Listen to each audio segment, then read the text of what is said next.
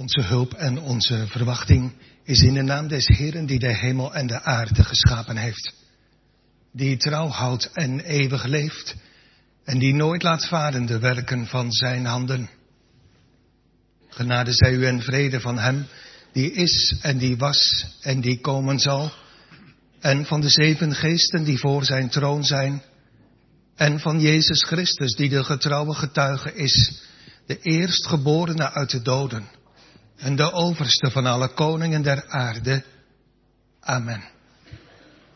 Gemeente, laten we samen zingen uit Psalm 21, het eerste en het vierde vers. O Heer, de koning is verheugd om uw geducht vermogen.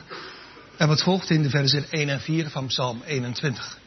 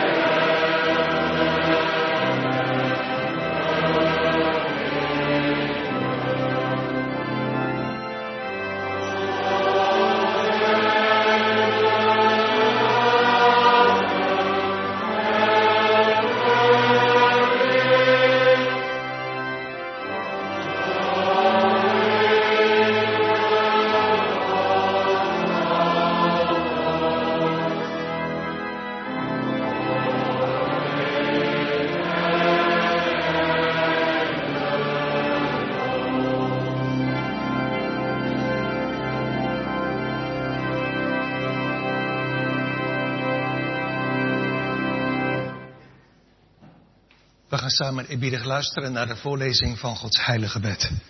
En zingen daarna Psalm 6, het tweede vers. Vergeef mij al mijn zonden die uw hoogheid schonden. Daarna is de schriftlezing uit het Tweede Koningenboek, 2 Koningen 2. Daarvan zullen de versen 1 tot en met 11 aan u worden voorgelezen. Toen sprak God al deze woorden, zeggende, ik ben de Heere uw God, die u uit Egypte land, uit het diensthuis uitgeleid hebt. Ge zult geen andere goden voor mijn aangezicht hebben. Zult u geen gesneden beeld nog enige gelijkenis maken van hetgeen boven in de hemel is, noch van hetgeen onder op de aarde is, noch van hetgeen in de wateren onder de aarde is. Gij zult u voor die niet buigen, noch hen dienen, want ik, de Heer uw God, ben een ijverig God, die de misdader vader bezoekt aan de kinderen, aan het derde en aan het vierde lid dergenen die mij haten. En doe barmhartigheid aan duizenden dergenen die mij liefhebben en mijn geboden onderhouden. Ge zult de naam des Heeren uw Gods niet ijdelijk gebruiken, want de Heere zal niet onschuldig houden die zijn naam ijdelijk gebruikt. Gedenk de Sabbatdag dat ge die heiligt. Zes dagen zult ge arbeiden en al uw werk doen, maar de zevende dag is de Sabbat des Heeren uw Gods, dan zult ge geen werk doen. Gij, nog uw zoon, nog uw dochter, nog uw dienstknecht, nog uw dienstmaagd, nog uw vee, nog uw vreemdeling die in uw poorten is. Want in zes dagen heeft de Heere de hemel en de aarde gemaakt, de zee en al wat erin is. En hij rustte ten zevende dagen en daarom zegende de Heere de Sabbatdag en heiligde dezelfde. Eert uw vader en uw moeder, opdat uw dagen verlengd worden in het land dat u de Heere uw God geeft. Ge zult niet doodslaan, ge zult niet echt breken, ge zult niet stelen, ge zult geen valse getuigenis spreken tegen uw naaste, ge zult niet begeren uw naasten huis, ge zult niet begeren uw naasten vrouw, nog zijn dienstknecht, nog zijn dienstmaagd, nog zijn os, nog zijn ezel, nog iets dat uw naasten is.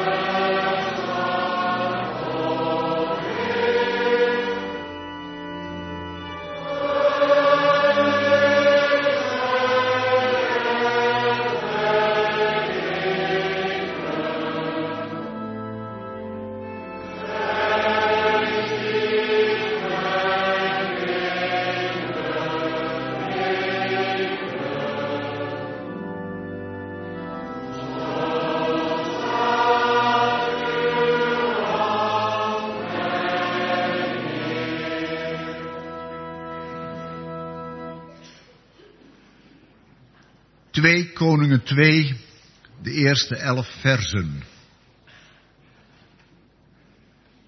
Geschiedde nu als de Heere Elia met een onweder ten hemel opnemen zou, dat Elia met Elisa ging van Gilgal.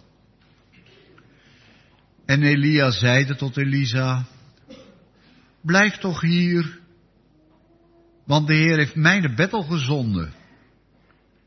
Maar Elisa zeide, zo waarachtig als de Heere leeft en uw ziel leeft, ik zal u niet verlaten. Alzo gingen zij af naar Bethel. Toen gingen de zonen der profeten die te Bethel waren tot Elisa uit en zeiden tot hem, weet ge dat de Heere heden uw Heer van uw hoofd wegnemen zal? En hij zeide, ik weet het ook wel, Zwijg gij stil. En Elia zeide tot hem, Elisa, blijf toch hier, want de Heer heeft mij naar Jericho gezonden.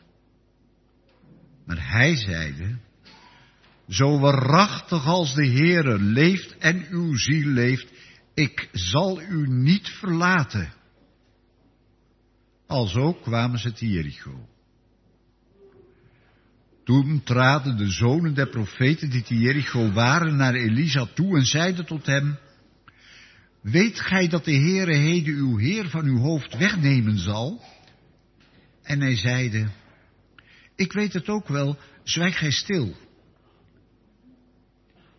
En Elia zeide tot hem, Blijf toch hier, want de Heer heeft mij naar de Jordaan gezonden.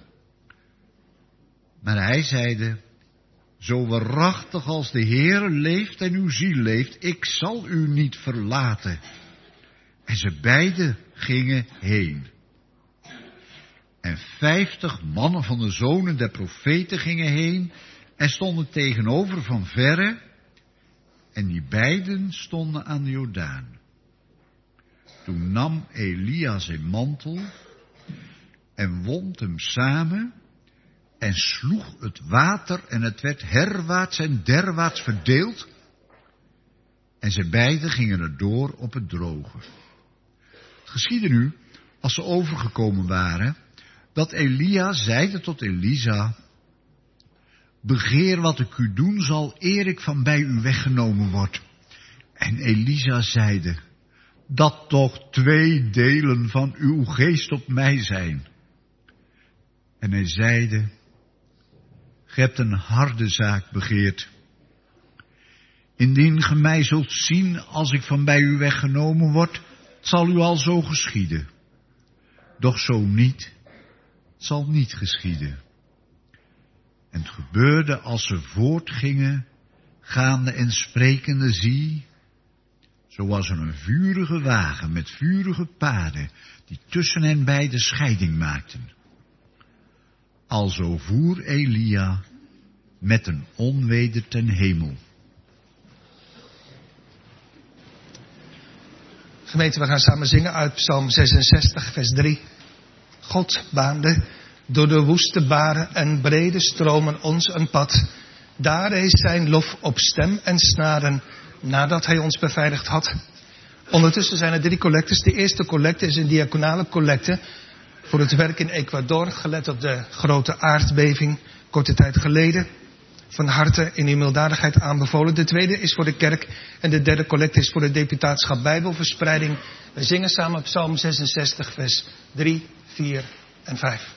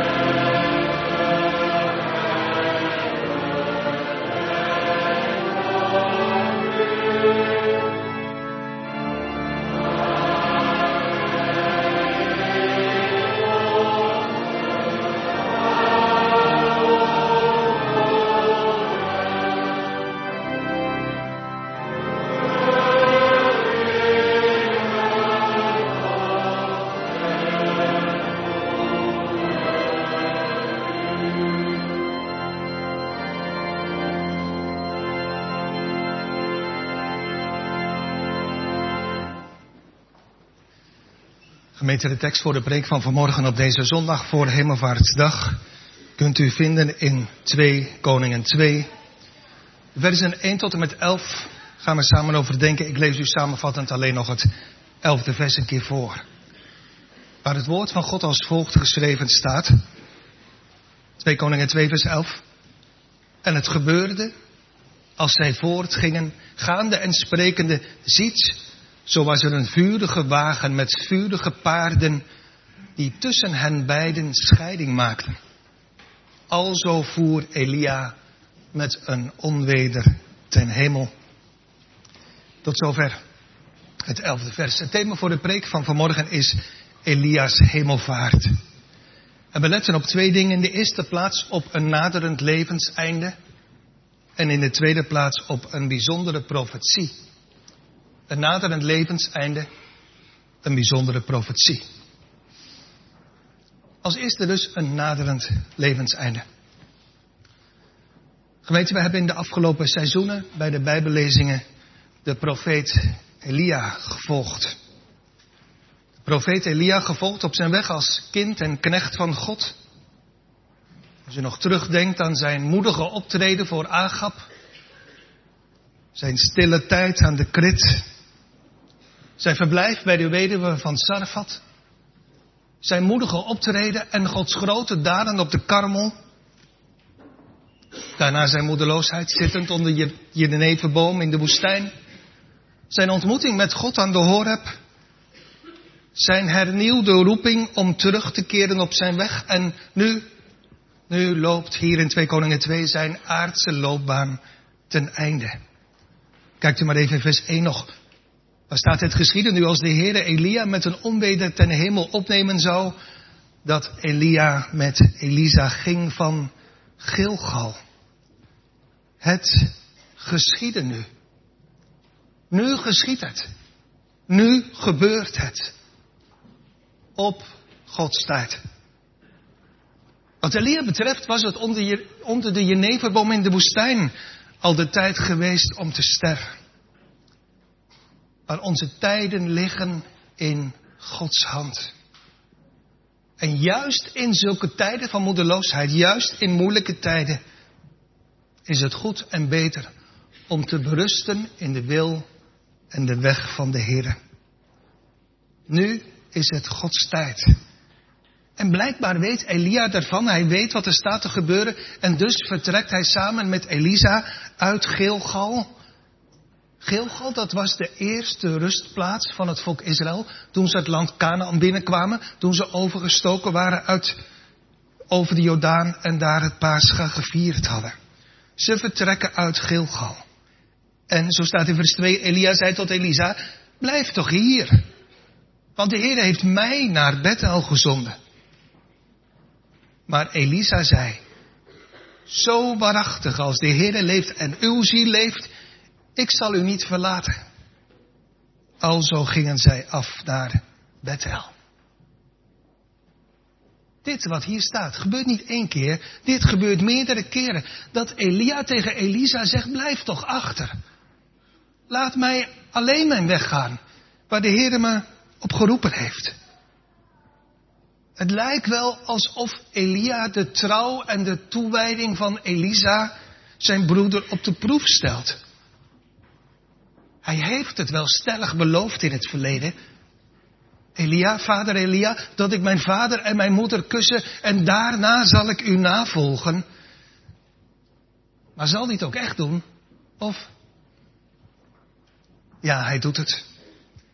Moedig en dapper als zijn leraar en meester Elia. Trouw en vastberaden als Rut die ooit zei, uw God is mijn God. Uw volk is mijn volk. Eerst gaat de reis van Gilgal door de steenachtige woestijn naar Bethel. En dan klinkt het weer. Elisa, blijf toch hier. Nee, vader Elia, ik ga met u mee naar Jericho. In Jericho klinkt op precies hetzelfde opnieuw. Elisa, blijf toch hier in Jericho, want de Heer heeft me geroepen om die kant op te gaan naar de Jordaan. Nee, ik ga met u. Zo waarachtig als de Heer leeft, En uw ziel leeft, vader Elia, ik zal u niet verlaten. Ondertussen komen de zonen van de profeten, de studenten van de profetenscholen, ook. En ze kunnen het niet nalaten om er ook op aan te dringen bij Elisa, blijf toch bij ons. Waarom zou je je meester navolgen? Je weet toch dat hij opgenomen zal worden? Morgen is hij er niet meer. Blijf bij ons. Maar het gebaar is afwijzend. Ze mogen zich niet met hen bemoeien. Letterlijk. Ze mogen zometeen alleen het wonder zien, waar ze straks ook met vijftig man naar staan te kijken bij de Jordaan. Als die beide mannen, Elia en Elisa, ineens voor een gesloten weg staan. Hun weg loopt dood bij de Jordaan. Kijk maar even vers 8. Toen nam Elia zijn mantel en wond hem samen en sloeg het water. En het werd herwaarts en derwaarts verdeeld. En zij beiden gingen erdoor op het droge. De weg was gesloten en nu ineens geopend. Doet Elia dat in eigen kracht? Is Elia een heel bijzondere mens die zelfs dit soort dingen kan doen? Het water slaan waardoor er een pad ontstaat dwars door de rivier. Nee, Elia doet dit door de kracht van het geloof. Zelf heeft het geloof van zichzelf geen enkele kracht. Het geloof krijgt kracht uit God. En dus is het God zelf die voor deze twee mannen, Elia en Elisa, een pad baant. Zoals God voorheen onder de uitgestrekte staf van Mozes een pad baande door de Rode Zee. Zo baant de Heer hier opnieuw. Na het symbolisch slaan met de profetenmantel een, een weg, een pad door het water. Door de Jordaan die in de Bijbel heel vaak een teken is van de dood, van, van de laatste barrière voor het ingaan van het land Canaan. De weg was geblokkeerd en wordt geopend. Daar ligt een les in. Onze weggang kan geblokkeerd zijn. Ook nu. En in het leven van Gods kinderen. En in het leven van hen die de Heer geroepen heeft tot dienst in zijn koninkrijk. In de eerste plaats, de weg kan geblokkeerd zijn in het leven van Gods kinderen. Denkt u maar aan de dichter van Psalm 142. Ik wou vluchten, maar ik kon nergens heen. De schuld van mijn zonde zweefde mij voor ogen. Oog in oog met een heilig en rechtvaardig God. Een hemelhoge schuld als een groot pak op mijn rug en niets om te betalen. Ik wou vluchten, maar ik kon nergens heen. Dan, dan alleen naar u. Met de woorden van Job op de lippen. Ik zal mijn rechter om genade bidden. En toen, toen hebt u door uw genade van mij een pad geopend van vergeving en verzoening door het bloed van Christus. De weg kan geblokkeerd zijn, ook naar ontvangen genade in het leven van Gods kinderen. En de Heer zelf is degene die die weg opent door zijn woord en door zijn geest. De weg kan ook geblokkeerd zijn in het leven van mensen die de Heer geroepen heeft tot zijn dienst. Het was hier twee profeten, Elia en Elisa. Maar een gesloten weg. Zo kunnen in het leven van mensen, jongere, oudere mensen, die de Heer roept tot zijn dienst, er kunnen zoveel gesloten deuren en geblokkeerde wegen zijn. Maar laat het geen reden zijn tot moedeloosheid. Zie biddend omhoog. Wat Elia ongetwijfeld ook gedaan heeft. Biddend, vragend, gelovend. Dat de Heer zelf deuren en wegen zal openen. En een pad zal banen, zoals we zongen. God baande door de woeste baren en brede stromen ons een pad. Het, zoals Psalm 77 dat noemt, het nooit eerder ontdekte sporen. De weg was geblokkeerd, maar is nu door de Heer geopend. En samen lopen ze over de droge bodem van de Jordaan. En, vers 9, het geschiedde als zij overgekomen waren aan de andere kant van de rivier. Dat Elia zei tot Elisa, begeer wat ik u doen zal. Eer voordat ik bij u weggenomen word. En Elia zeide, dat is zijn vraag, dat is zijn begeerte, dat toch twee delen van uw geest op mij zijn. Elisa, broeder, als ik zometeen van de aarde zal weggenomen zijn, dan kan je me niets meer, dan kan je me nooit meer iets vragen. Nu nog wel. Zeg het maar, broeder. Wat is je begeerte, wat is je verlangen?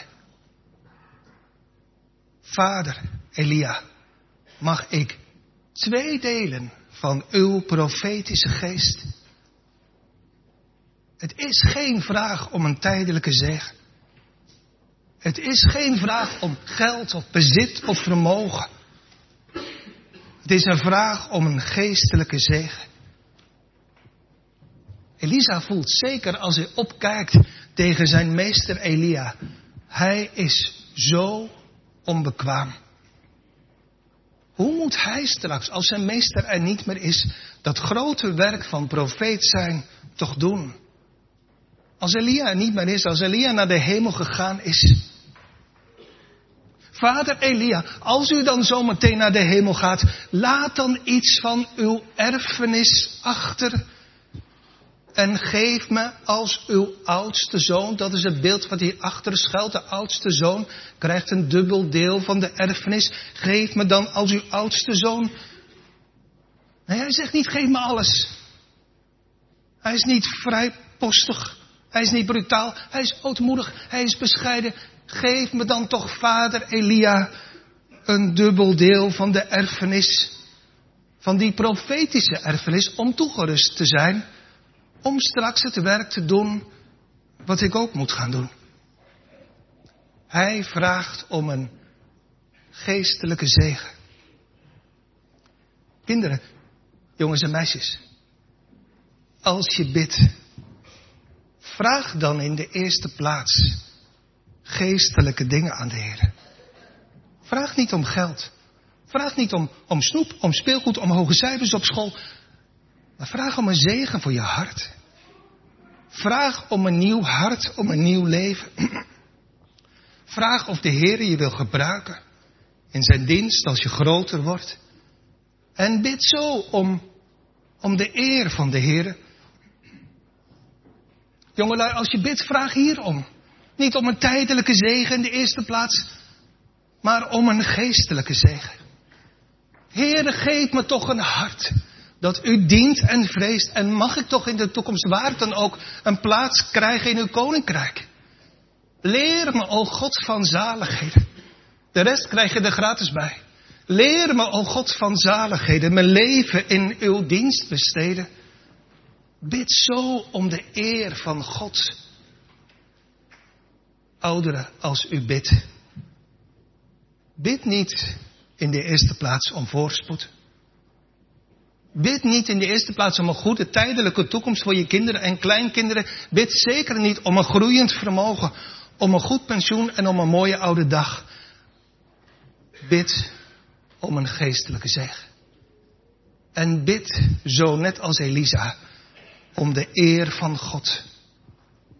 Hij bidt om een geestelijke zegen. Een zegen die, dat blijkt wel, Elia hem niet geven kan. Dus legt Elia het in de handen van de Heer. Kijk maar even vers 10. En hij zei als antwoord op Elisa, u hebt een harde zaak. U hebt iets moeilijks gevraagd, begeerd. Indien u mij zult zien, als ik van bij u weggenomen word, het zal u al zo geschieden, doch zo niet. Het zal u niet geschieden. En geef dat verzoek, die vraag, in de handen van de Heer. En dan Terwijl ze daar zo lopen aan de overkant van de Jordaan met elkaar praten. Dan ineens pakken zich donkere wolken samen. De wind drijft de wolken bij elkaar. En het geluid van die aantrekkende wind overstijgt het zachte suizen van die kabbelende rivier de Jordaan. Een storm steekt op. De wind trekt aan tot een grote wervelwind, dat we zeggen zo'n grote ronddraaiende wind. Tekenen van de macht en van de heerlijkheid en van de majesteit.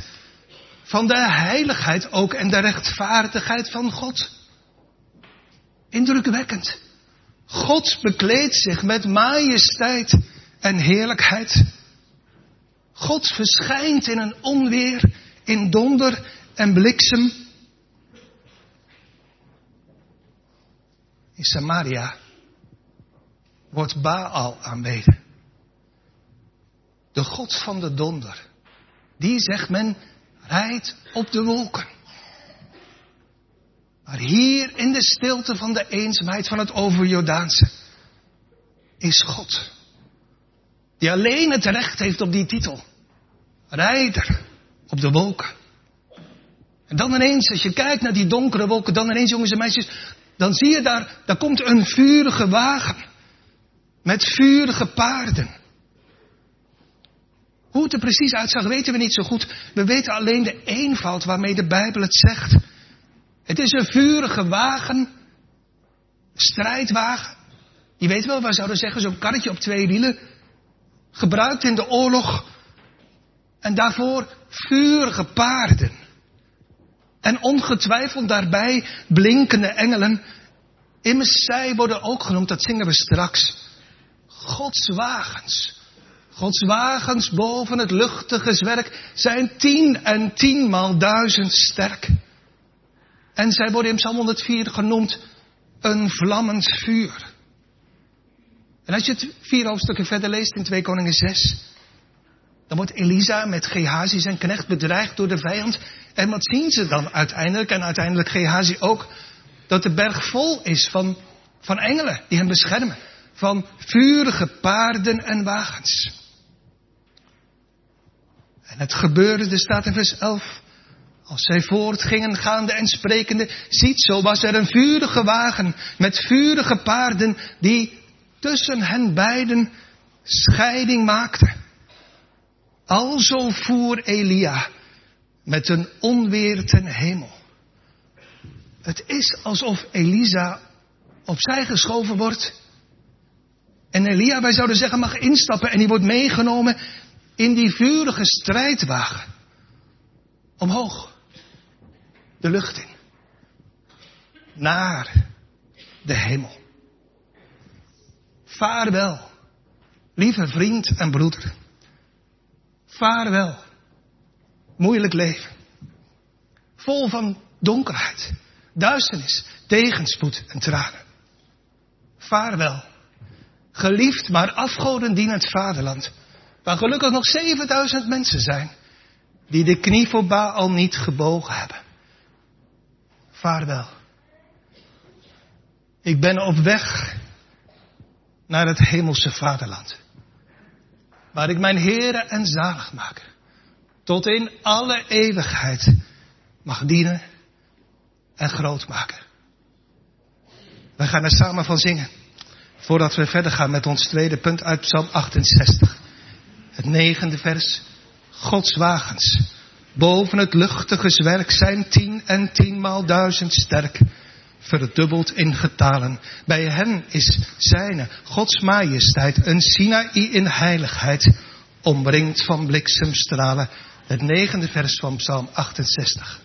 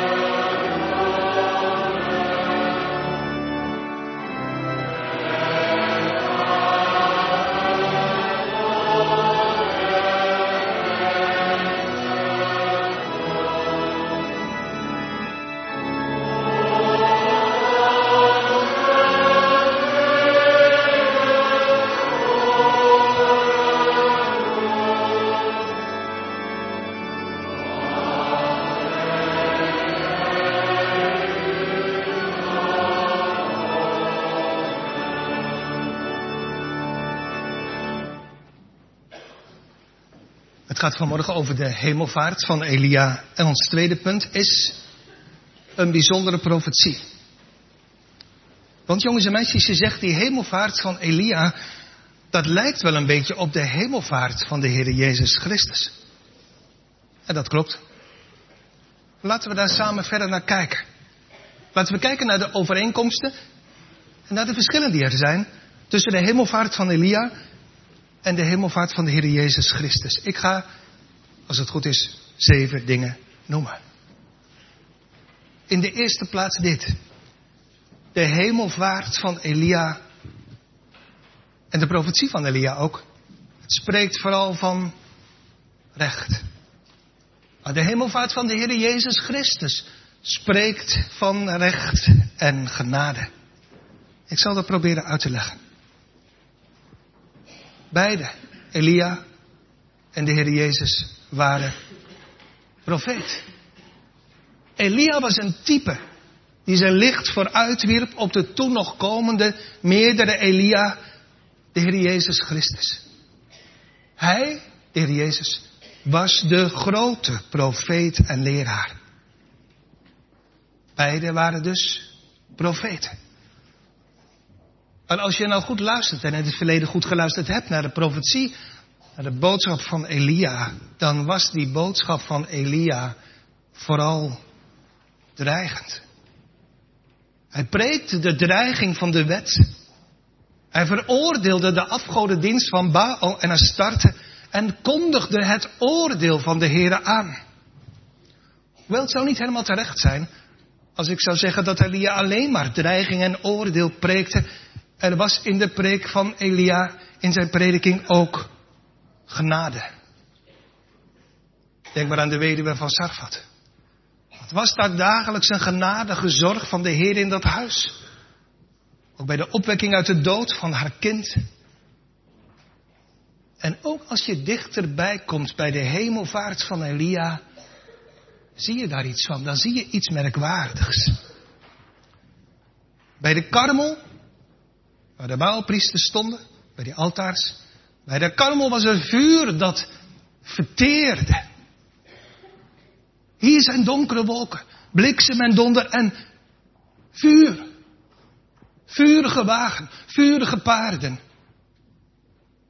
Maar geen vuur dat verteert. Het wonderlijk is dat door de weg van dat vuur er voor Elia, kind en knecht van God, een geopende hemel is. Waardoor hij binnengaat. Maar als je het leven en de profetieën van Elia overziet, dan blijft genade toch wat verhuld. Onduidelijk. Elia is vooral profeet van het oordeel. En dus blijft het ook een beetje raadselachtig kijken naar de hemelvaart van Elia. Hoe kan een zondig mens als dat Elia ook was, een mens van gelijke beweging, zegt Jacobus, als wij, een mens die we kennen ook van moedeloosheid en dwalen, hoe kan een zondig mens als Elia, midden in het vuur van Gods heiligheid, de hemel ingaan? Dat blijft wat raadselachtig. Maar dat raadsel wordt en is opgelost in de meerdere Elia, in de grote profeet en leraar, Jezus Christus. Was er bij hem soms niet de dreiging van wet en oordeel?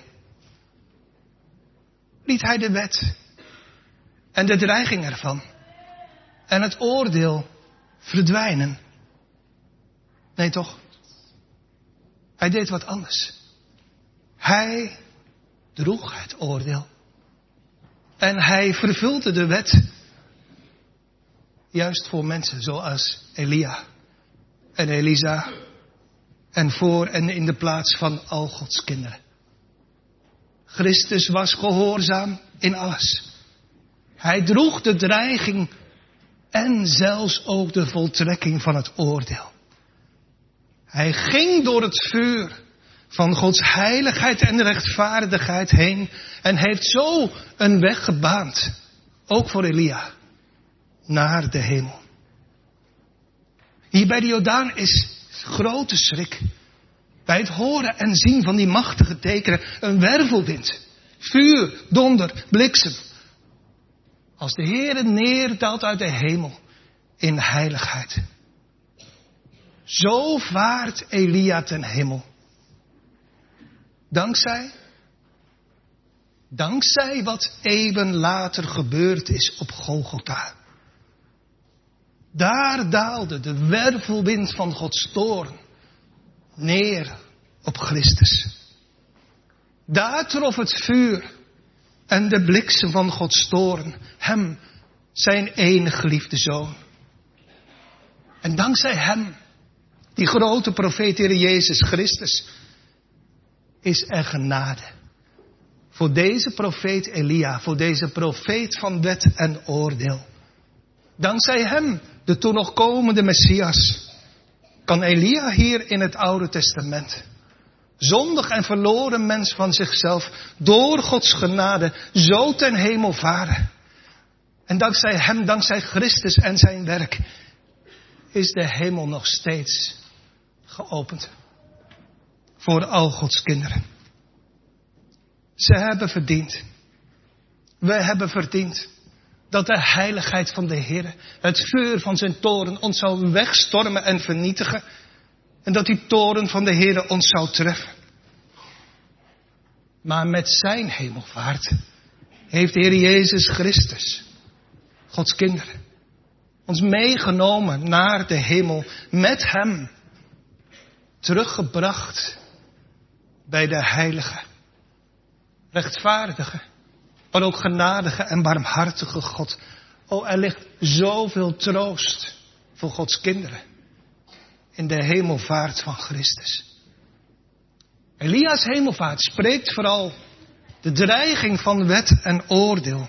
De dreiging van Gods heiligheid en toren, hoewel we een glimp opvangen van een geopende weg van genade. De hemelvaart van Christus spreekt ook van recht maar van voldaan recht. En dus van genade. Omdat de toren van de heilige God gestild is door het bloed van het lam. En dus is er nu geen verdoemenis meer, zegt Paulus, voor degenen die in Christus Jezus zijn. Er zijn meer overeenkomsten en verschillen te noemen tussen de hemelvaart van Elia en die van de Heer Jezus Christus in de tweede plaats. Elia, dat valt op, wordt opgenomen met grote haast. Met een storm waarin die wagen als het ware voorbij raast. En Elia ten hemel meeneemt. De hemelvaart van de Heer Jezus was anders. Hij is in alle rust en alle stilte opgevaren naar de hemel. Teken en bewijs te meer dat om hem de toren van God over de zonde van al de zijnen voor altijd is gestild. Een derde verschil. Elia wordt meegenomen door een wagen met paarden ervoor en engelen. Maar de Heer Jezus stijgt zelf op. Door eigen kracht. Door eigen verdiensten. Stijgt hij zelf op naar de hemel. Er is een vierde verschil. Elia, als je terugkijkt naar zijn leven. Hij probeerde het volk Israël te bewegen tot bekering. Te brengen tot de dienst van de Heer. Wat heeft hij daar zijn best voor gedaan? Zijn werk was vol teleurstelling en tegenslag. En hij kon het ook niet. En dat, dat, dat erkende hij ook. Hij kon het ook niet in eigen kracht. Hij heeft geprobeerd om Israël terug te brengen van de afgodendienst tot de dienst van de levende God.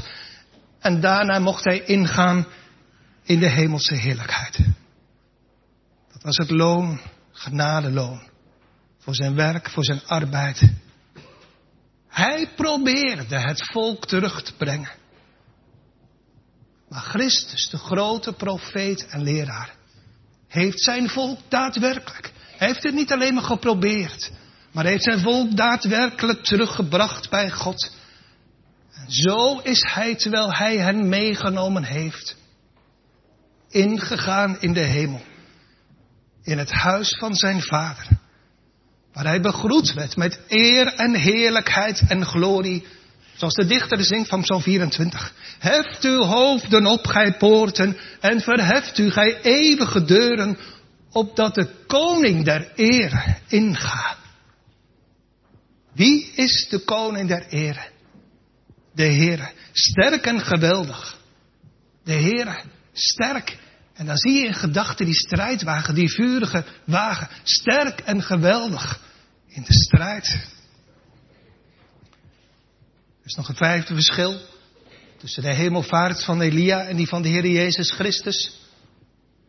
Toen Elia ten hemel zou varen, toen zei hij tegen Elisa, begeer wat ik u doen zal, voordat ik van u weggenomen zal zijn. Voordat ik er niet meer ben. Want, Elisa, als ik er niet meer ben, kan je niets meer aan me vragen. Dan ben ik ingegaan in mijn rust. En dan mag ik voor altijd rusten van mijn werk. Zo was het bij Elia. Maar de Heer Jezus is veel groter. En veel voortreffelijker. Hij is naar de hemel gegaan. Hij is de hemel binnengegaan. Maar hij is niet onbereikbaar. Hij hoort de gebeden van zijn kinderen. En is voor hen de grote voorbidder. Aan de rechterhand van de Vader. En heeft zijn discipelen heel Gods kerk beloofd. Ik, ik ben nog niet meer op de aarde. Maar ik ben met u en ik blijf met u al de dagen tot aan de voleinding der wereld. En op de Pinksterdag wordt een menigte van vijanden toegeroepen. Ik ben wel heen gegaan. Maar een ieder die mijn naam aanroept, die zal zalig worden. Zeker. Hij rust, zo heet het in de Bijbel. Hij rust aan de rechterhand van zijn vader als de grote hoge priester. Daar zit hij aan de rechterhand van zijn vader. Hij zit als een teken van rust. In het Oude Testament mocht nooit één enkele priester gaan zitten bij het heiligdom. Daar was geen rust. Deze hoge priester, de Jezus Christus, heeft alles gedaan wat gedaan moest worden. En zegt de apostel, is nu tot in eeuwigheid gezeten. Het is volbracht aan de rechterhand van de Vader. Hij zit. Maar hij is niet onbereikbaar. Hij zit, maar hij is niet inactief, hij is niet werkeloos. Hij is de grote voorbidder voor zijn kerk. Die dag en nacht voor zijn kinderen bidt. Hij zit, maar niet inactief of werkeloos. Hij zit aan de rechterhand van zijn vader, terwijl hij ondertussen zijn kerk, zijn kinderen bewaart. Troost, helpt, leidt, onderwijst en altijd terzijde staat. Want hij zit niet alleen. Hij staat ook aan de rechterhand van God. Zo zag Stefanus hem toen hij gestenigd werd. Ik zie de zoon des mensen staande ter rechterhand Gods. Altijd tot onze hulp gereed. Immers heeft tegen zijn discipelen gezegd, ik ben met u lieden. Staande aan de rechterhand van God. Al de dagen. Tot aan de voleinding der wereld. Er is nog een zesde verschil tussen de hemelvaart van Elia en die van de Heer Jezus Christus. Elia ging alleen naar de hemel. En je zegt, maar de Heer Jezus ging toch ook alleen? Ja, zo lijkt het wel, maar de Heer Jezus heeft in zijn hemelvaart al zijn kinderen meegenomen naar de hemel in geestelijke zin. Paulus schrijft aan de Colossense, we hebben het daar kort geleden over gehad. Gods kinderen mogen zeggen, we zijn met hem begraven in zijn dood. Met hem opgewekt tot een nieuw leven. En zo schrijft Paulus in Efeze 2, met hem gezet in de hemel in Christus Jezus. Met andere woorden, Hij, Christus, heeft voor zijn volk alles gedaan. Wat wij niet en nooit meer konden doen. Zoals Elia levend ten hemel gegaan is. Zo zullen, zegt Paulus, Gods kinderen die straks levend zijn overgebleven op de dag van de terugkomst van Christus, ook opgenomen worden in de hemel. Met al Gods kinderen die opgestaan zijn, tezamen, zegt Paulus in 1 Thessalonicense, zullen we opgenomen worden in de lucht, de Heere tegemoet. En alzo zullen we altijd met de Heere wezen. En dat brengt me tot slot op een zevende, een laatste verschil. Elia ging naar de hemel. En dat wist Elisa. Hij zou nooit meer terugkomen. Hij is ingegaan in de rust om daar voor altijd en eeuwig te blijven. De apostel zegt in de Hebreeënbrief, er blijft een rust over voor het volk van God. Als kinderen van God onze aardse loopbaan voltooid is, net als bij Elia, dan zijn onze zonden, onze tranen, ons zuchten. Dan is onze moedeloosheid die ons kan overvallen. Dan is onze donkerheid die van binnen kan leven. Dan is de weg van lijden voorbij. Net als bij Elia. We leefden met Christus. Met Christus verborgen in God. We stierven met oog. Misschien met een gebroken oog, maar toch gericht op Hem. We droegen in ons leven de smaadheid. Het lijden om de naam van Christus. Maar als we sterven, houd goede moed. Dan gaat onze weg van lijden tot heerlijkheid. Laten we in dat perspectief en die verwachting ook leven. Als de engelen ons dan, als een arme bedelaar, als het goed is, zullen dragen vanuit dit tranendal naar het hemels Jeruzalem. Dan zeggen ook wij in ons hart. En daarom hoeft u niet te huilen en te treuren. Ja, dat mag wel. Maar u hoeft niet te huilen en te treuren om de dood van Gods kinderen. Want dan zeggen we vaarwel, lieve vrouw, lieve man, vader, moeder, kinderen, vrienden, broeders, wereld, schatten. We zijn op weg en we gaan naar huis. Zo is Elia gegaan van lijden tot heerlijkheid naar het vaderhuis. Christus daarentegen, en dat is anders, is ook door een weg van lijden tot heerlijkheid gegaan. Heeft zijn discipelen vaarwel gezegd. Broeders, ik ga naar het vaderhuis hierboven. Met de vele woningen. Maar er is één verschil. Hij komt terug. Met het heengaan van Elia is het boek van Elia dichtgegaan. Met het heengaan van Christus is een bladzijde omgeslagen. En een volgend hoofdstuk staat te gebeuren. Want het boek van Gods raad is niet uit. We zullen het straks zingen uit Psalm 98. Hij komt, hij komt terug om de aarde te richten. Op eenzelfde manier zoals destijds. Zoals dat wat er gebeurde bij de hemelvaart van Elia. Staat in Psalm 11, hij komt met wolken, bliksem en met een geweldige stormwind. We zijn geneigd als het gaat om de terugkomst van de Heer Jezus te denken aan een idyllisch plaatje. Blauwe lucht en een wit wolkje. Maar het zal anders zijn.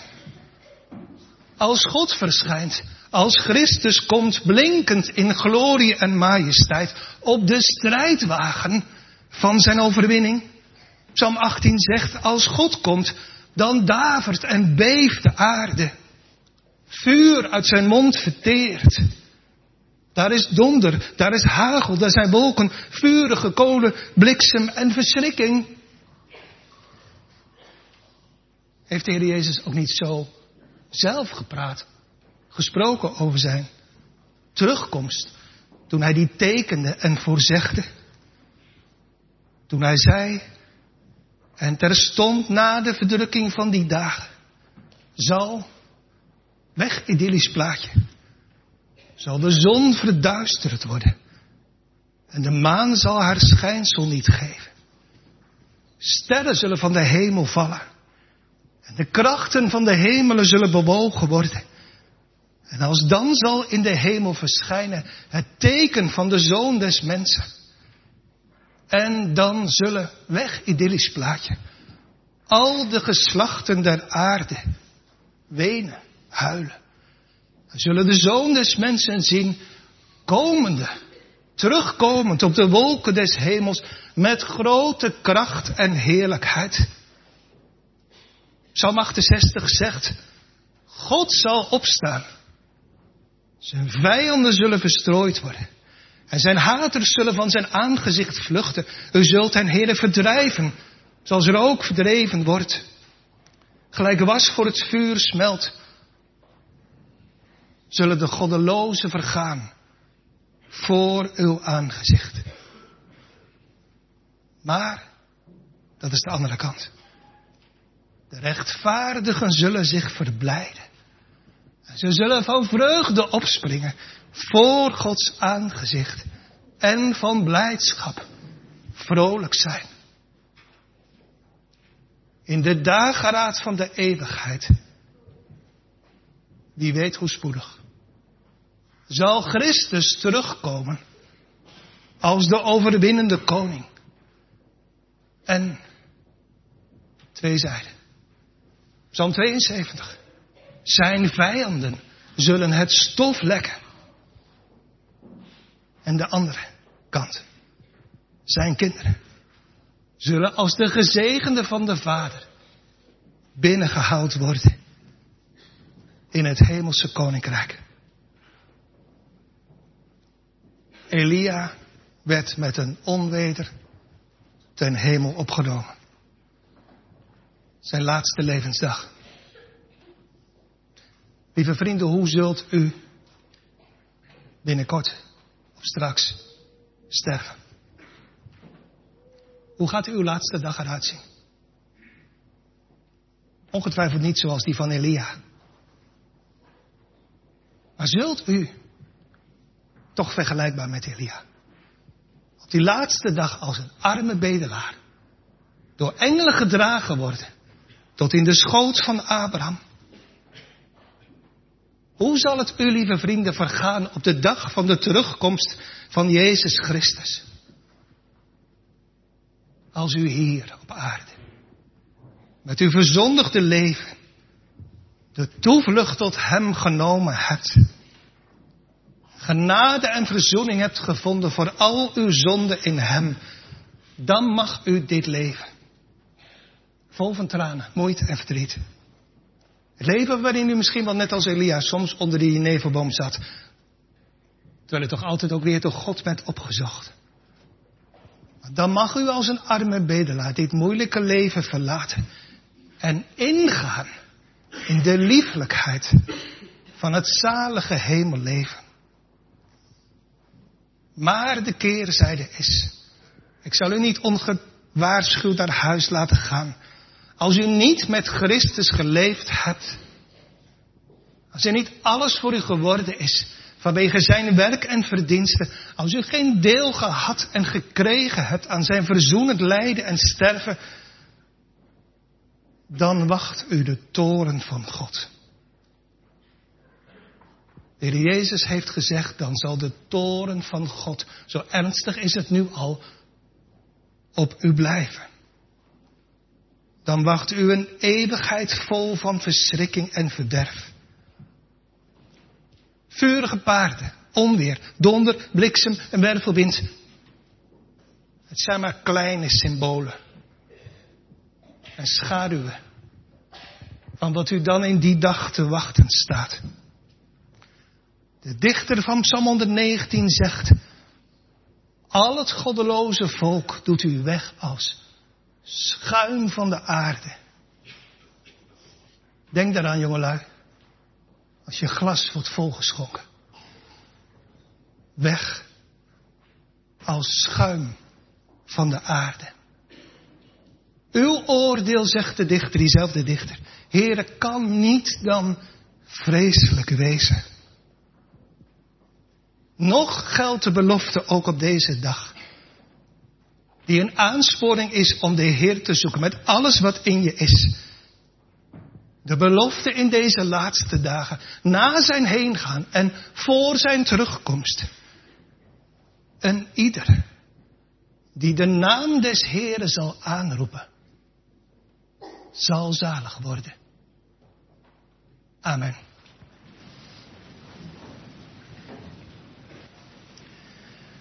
Gemeente, wij zingen tot slot Psalm 98. Niet zoals op het bord staat, misschien heb ik het verkeerd doorgegeven. Psalm 94, maar Psalm 98. Het bekende vierde vers. Laat al de stromen vrolijk zingen. De handen klappen naar omhoog. Het gebergte vol van vreugde springen en huppelen voor des Heeren oog, want hij komt. Hij komt om de aarde te richten. De wereld in gerechtigheid. Als volk, daar het wreed geweld moet zwichten wordt in de rechtmatigheid geleid. Het laatste vers van Psalm 98.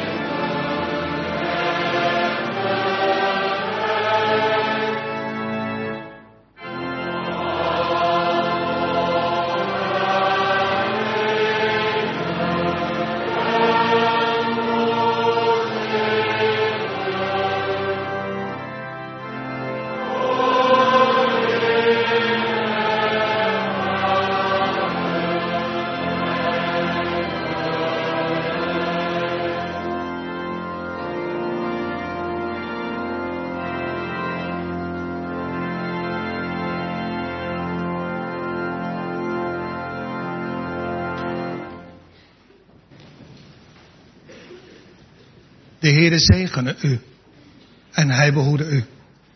De Heere doet zijn aangezicht over u lichten en zij u genadig. De Heere verheffen zijn aangezicht over u en geven u vrede. Amen.